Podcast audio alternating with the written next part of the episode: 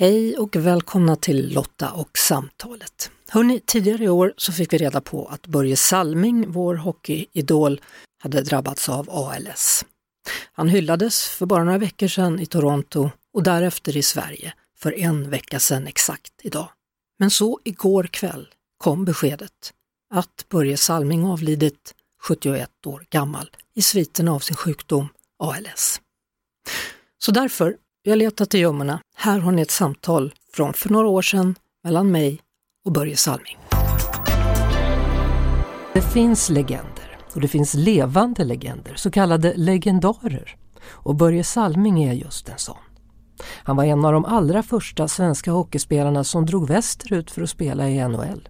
En av de allra tuffaste ligorna, speciellt då på 70-talet när slagsmål nästan var ett måste i varje match. Då på den tiden då flera spelare saknade tänder och inte alla hade hjälm.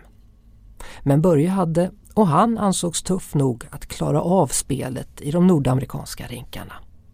Toronto Maple Leafs blev hans lag och 21 hans tröjnummer som ingen annan spelare nu får bära. För han gjorde ju verkligen avtryck med 1148 matcher och 17 säsonger. Numera står han också för alltid utanför arenan som staty.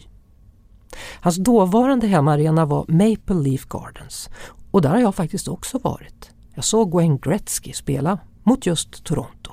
För så här är det, Toronto är också för mig en stad med stor plats i mitt hjärta. Jag kom dit som 18-åring och förstod att världen var lite större än Skövde.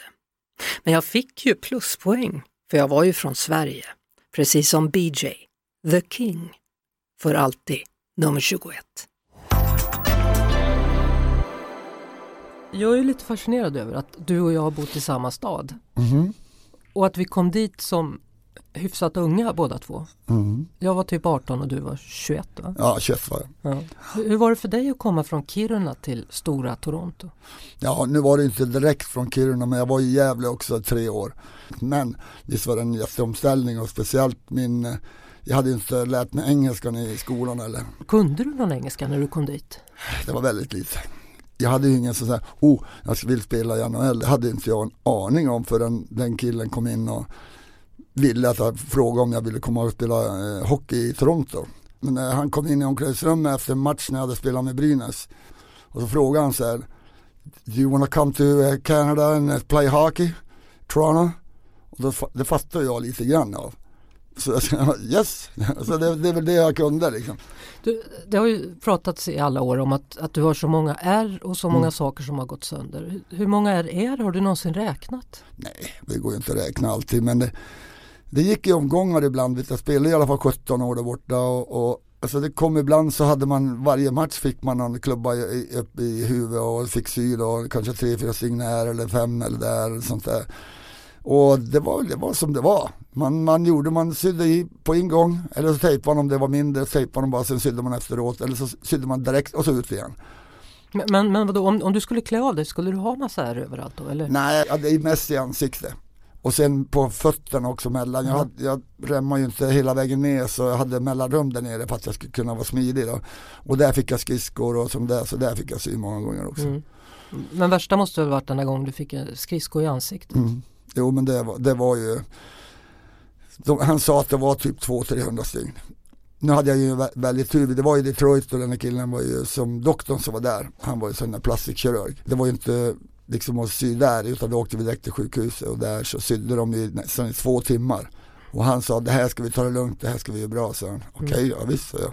Men gud vad det måste blött. Ja det gjorde ju det, men det gjorde inte ont eller det gjorde väl kanske ont men, men alltså man tänkte inte på det utan jag kände direkt att ah, handen var full med blod och tänkte att jag måste av isen. Och så jag öppnade reservmålvakten upp eh, dörren och jag får rakt in i magen på han med huvudet. och hans tröja var ju helt blodig så han fick ju byta tröja till, till nästa period. Ja. Ena sprang in efter några sådana små dukar som man sätter på såret fast det drar ihop blodet. Mm. Men han kom med dem och han bara skrek handduk för helvete skrek han på engelska. och då tänkte jag, åh, åh, det kanske inte ser så bra ut nu. Men, men du, jag bara, jag tänker, är, är din kropp gjord för att ta mycket smärta?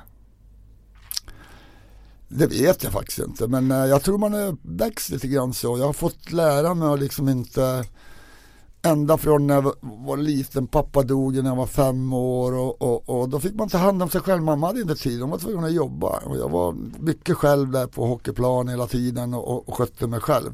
Och jag tror när jag fick smällar så man, då brydde man sig inte utan man fick ju, det var, jag hade ingen pappa eller mamma som stod där och tröstade mig eller någonting sånt där. Utan det var bara, det var bara att köra på. Så man har aldrig liksom, jag har nästan aldrig gråtit egentligen. Det har jag gjort liksom nu på äldre dagar. Då har jag för, faktiskt förstått att ja, men du får ju gråta. Men eh, det gjorde man inte förr utan man bet ihop och så kom man tillbaks.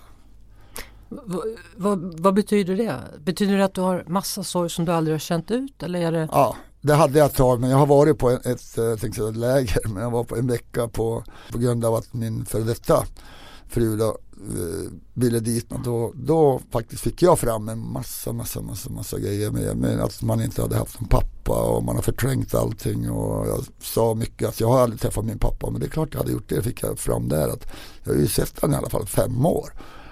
Och, och jag sa jag har aldrig fått kramar av honom, jo men det hade jag ju fått. Så, så det var mycket sånt som var väldigt bra. Så det var, det var nästan terapi då, var där? Ja det var det faktiskt. För mig var, jag trodde inte, jag åkte ju för hennes skull.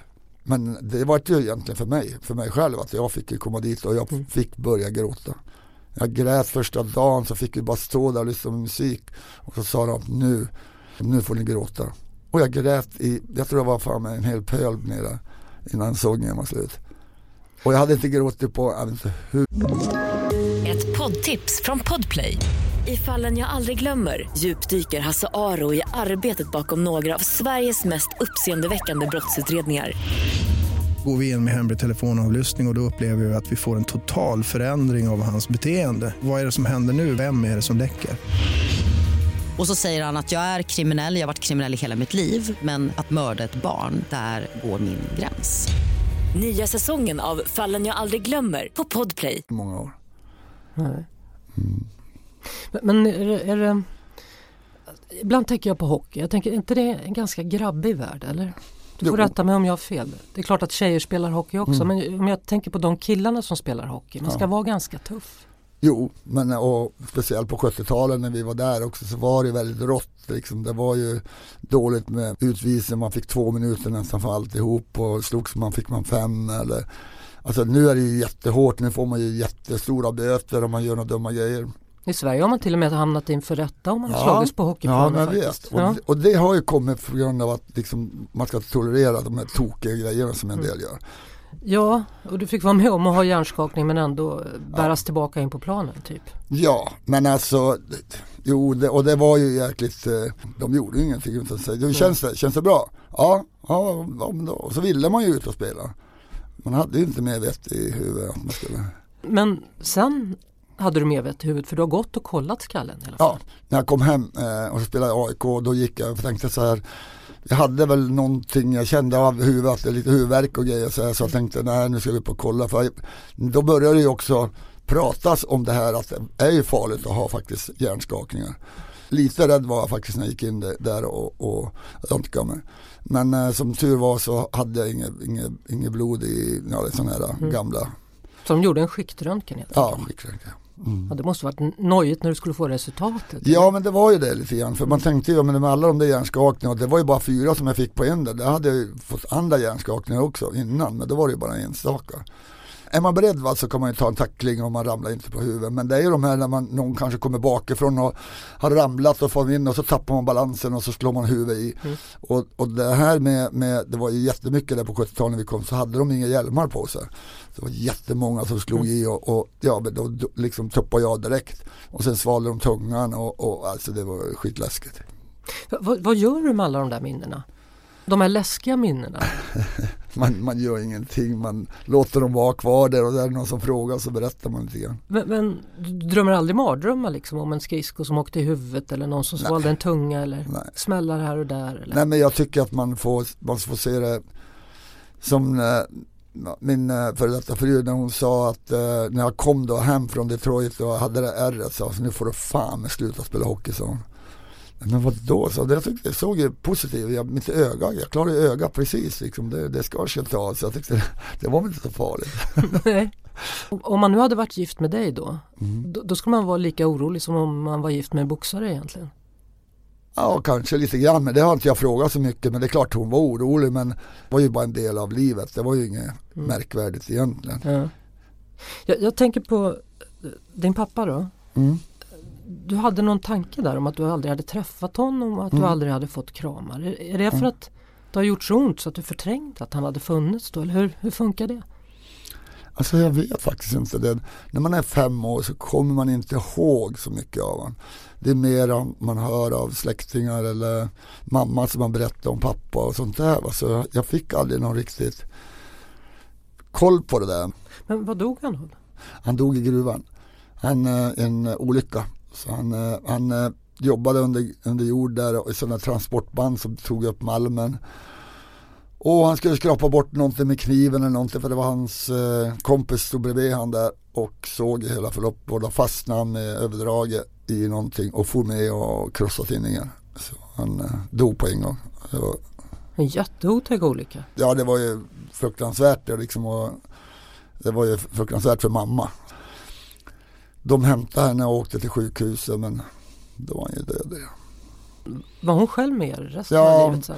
Ja, inte resten av livet utan eh, sen eh, min pappas bror kom in där efter, efter en, vad var det, tre, fyra år. Mm. Då köpte vi ett hus också nere nära, som var nära våran Mattojärvi idrottsplatser som man hängde på och spelade hockey. Var hans bror bra på hockey då? Eh, nej. Nej. men vem lärde dig åka skridskor? Ja, men det, var ju, det var ju min bror som jag följde med vid sex eh, så hade inte jag några nå skridskor. Och mamma hade inte råd där men jag vet inte hur Sigge fick ett par skridskor men han hade väl varit där och tyckt av någon. Så han hade ju grejer att spela men sen fick jag hans gamla skridskor. Jag fick ärva hela tiden och på den vägen var det tre och ett halvt nummer för stora brukar jag säga. Men det hade ingen betydelse för jag fick mina första skridskor. Det var man hur glad som helst. Hur många klubbor hade du på den tiden då? Ja, jag hade inga klubbor alls utan jag hängde ju runt materialen där och hjälpte han och, och då fick man ju trasiga klubbor och limmade klubbor och allt sånt där. Så fick man några som var lite halvtrasiga, spelade man landhockey med dem och ja, men det, man spelade med trasiga klubbor helt enkelt. Det var det man hade. Ja. Vad jobbade din mamma med? Hon jobbade då när pappa dog så var hon ju hemma med oss. Men sen började hon, fick hon, var hon tvungen att ta jobb. Hon jobbade på kafeteria och sådär. Och jag kommer ihåg på en korvkiosk eh, ett tag. Och sen så blir, senare år så har hon varit sjuksköterska. Hon måste vara en tuff kvinna liksom. Att hon, hon tar sig igenom den här stora sorgen. Och, mm. hon måste betyda hur mycket som helst både ja. för dig och din bror. Ja det är klart. Hon är fantastisk. Och hon är fortfarande, hon lever fortfarande 91 år uppe i Kiruna. Jag pratade med henne i telefon för några år sedan. För vi hade en insamling till världens barn och då mm, gav hon bort just, ja. gamla hockeyspelet som du hade. Just det. Ja. ja. Och hon är otroligt pigg. Hörru. Hon är det. Hon är så pigg. Jag pratar med henne varje dag. Så hon är klar i skallen fortfarande så man kan ju prata telefon med henne om allting. Hon, säger alltid, hon, är, hon är alltid positiv. Hon mm. är så positiv. Liksom, man förstår inte hur hon kan vara så. Nej, det är bara gilla läget. Hon försöker. Men mycket är ju att hon vill visa att hon är stark också. Så jag vet att hon kanske inte mår sådär hundra ändå. Men vad ska man tänka om dig då? Är du likadan och säger att allting är bra även om det inte är helt bra? Jo, så har man nog varit. Ja, hur är det nu för tiden då? Ja, nu jag tycker jag klagar man mer. så? Kommer med åldern? Nej. Ja, lite grann kommer med åldern. Man, man klagar lite, lite ont lite överallt. När du bodde i, i Toronto, kom din mamma över då eller? Ja, ja. Hon har varit över många gånger. Vad tyckte hon då? Ja, men hon tyckte fantastiskt. Hon tyckte det var så roligt. Och sista gången hon var där, det var, jag kommer inte ihåg hur gammal hon var, men hon var, var väl 85 någonting kanske. Och då var det ju när, när tröjan blev upphängd i taket, eller vimpen man kallar den för. Och då var hon med och kom ut på isen och allting. Och, ja, det glömmer hon aldrig. Hon tyckte det var så fint och roligt att vara där. Och, den, när, om du går på tivoli till exempel mm. Och spelar på chokladhjulet, ja. vilket nummer lägger du då? Faktiskt, jag brukar faktiskt ha kött med. Ja. det är lite roligt faktiskt. Ja, eller det brukar vara så här, om jag inte tar 21 så kommer det att bli 21. Jag hade den där alltid så. Och 21 är ju ett vinnande nummer egentligen. Titta på, din, på ditt armband där. Mm.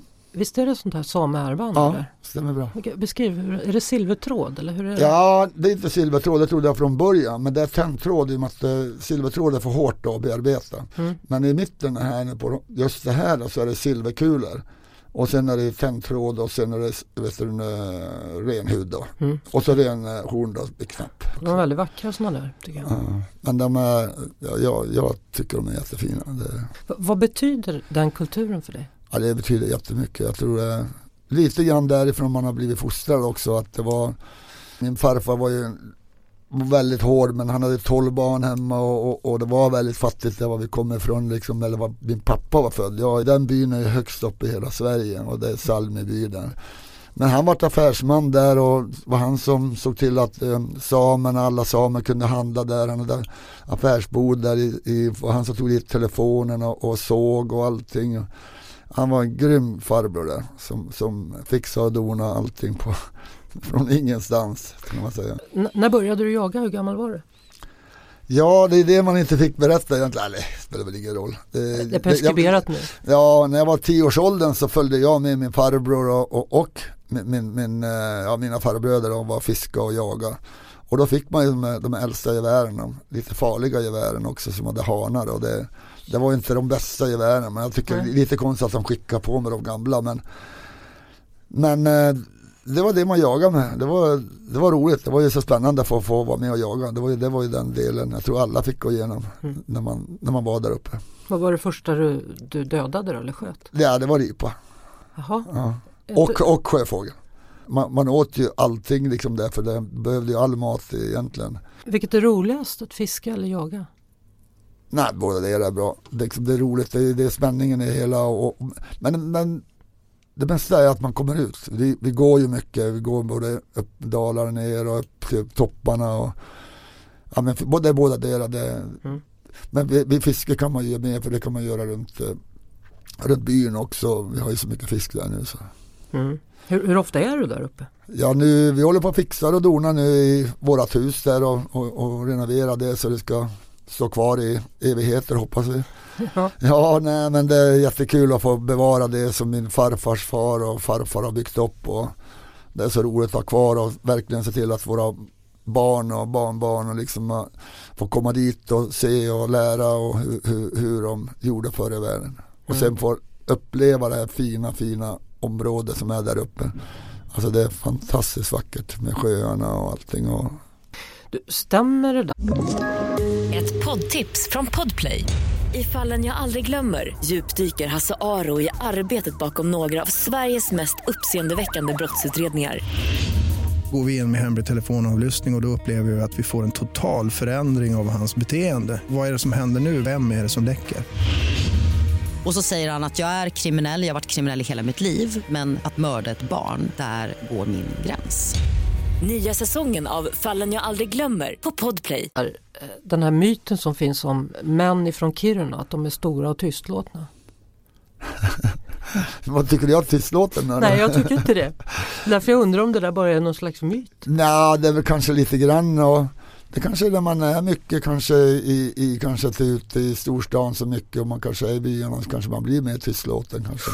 Men jag tycker inte det numera. Jag tror man, det är så många som nu, ja men man har datorer, man har allt det där så man, man behöver inte vara tystlåten. Nej. Nej, jag tycker inte de är tystlåten. De som jag, alla samerna som jag träffar där uppe alltid när vi är där uppe och de pratar ju på hur mycket som helst. Mm. Men jag tror vi mera att liksom vi vet vad vi kan och vad vi ska göra. Vi, liksom, vi håller inte på att tramsa så mycket. Men det där med att Stockholm skulle vara fjollträsk, är det så? Ja, så är det ju. Nej, det ska jag inte säga heller. Utan de vet vad de vill och kan där uppe liksom i, i, med, med de som har renar och, och alltså det är jättejobb där med både vinter och sommar och, och de går igenom stormar och vet inte tusan allting. De vet vad de kan och de är otroligt duktiga. Ska vi ta fem snabba frågor? Ja då. Ja, är du med? Japp. Espresso eller Tim Hortons? Uh, Tim Hortons.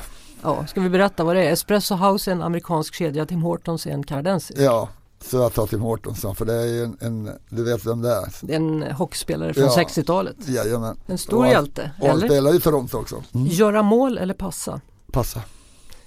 Varför säger du det med en sån självklarhet? Jo, för att jag tycker det är roligare att, att se dem glada. Liksom, mig spelar ingen roll. Det, visst blir man glad när man gör mål. Men alltså passa och se de andra göra mål tycker jag är mycket roligare. Och du har fortfarande assistrekordet i Toronto? Ja, det har jag. Det, det kan man vara stolt över. Kiruna eller Toronto? Eh, båda. Är båda hem? Ja. Jag säger när jag, hem när jag åker dit och hem när jag kommer hit. Mm. Vasaloppet eller New York Marathon? Eh, Vasaloppet. Hur många gånger har du kört? Nej, jag har inte kört någon gång. Där ska du köra jag skulle försöka köra men jag har, jag har inte, nej det har inte blivit av. Men det skulle varit kul att göra men jag tror inte jag kommer att göra det nu. Nähä. Nej. Har du sprungit maraton någon gång då? Ja, Stockholm Marathon har jag sprungit. Ja. Det var skitkul. Men det blir nog bara en gång där också. Okej. Men jag kan ju vara skryta med att jag har gjort faktiskt Stockholm Marathon med rullstol. Det också. Ja, det gjorde jag också ett år. Så jag har gjort två maraton. Borg eller Salmingkalsonger? Ja, det var en dum fråga. Det är klart det är Salmingkalsonger. jag vet inte, jag tänkte eftersom du är så blygsam så tänkte jag att du kanske inte... Ja, men jag är inte blygsam någon mer. Nej, utan det... Du, Ja, nej, men de gör bra kalsonger men vi gör faktiskt bättre kalsonger. Okej. Kan väl göra bättre att säga ifrån nu. Förut så, om man säger, min brorsa sa också åt mig alltid, ja på slutet där, liksom jag sa aldrig ifrån.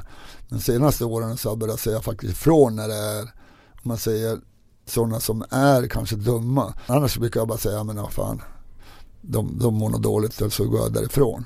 Mm. Men nu är jag mer och kan frälsa ifrån. Men du var, var du rädd för konflikter eller är det bara att du är Ja, snäll? ja men det har jag typ, hört eller?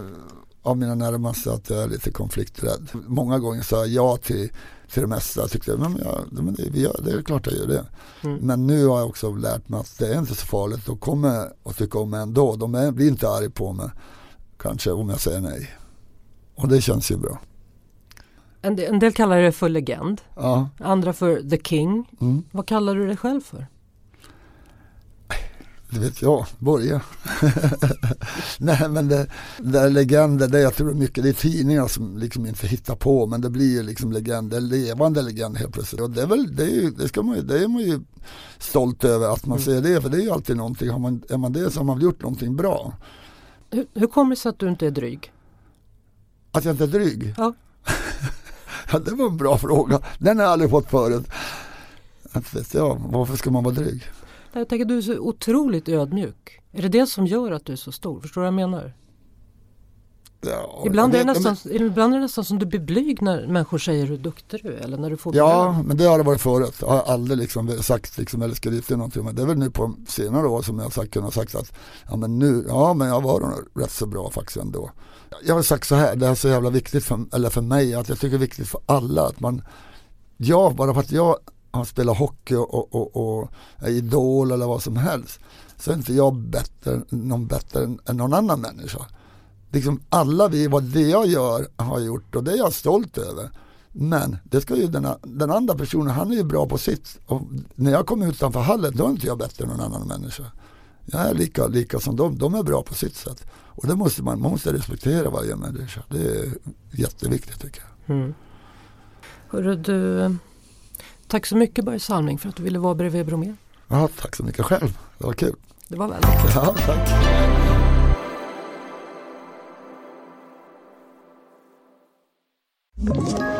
Ett poddtips från Podplay. I podden Något Kaiko garanterar östgötarna Brutti och jag, Davva, dig en stor dos skratt. Där följer jag pladask för köttätandet igen. Man är lite som en jävla vampyr. Man har fått lite blodsmak och då måste man ha mer. Udda spaningar, fängslande anekdoter och en och annan arg rant. Jag måste ha mitt kaffe på morgonen för annars är jag ingen trevlig människa. Då är du ingen trevlig människa, punkt. Något Kaiko, hör du på Podplay. Därför arkadeinerna.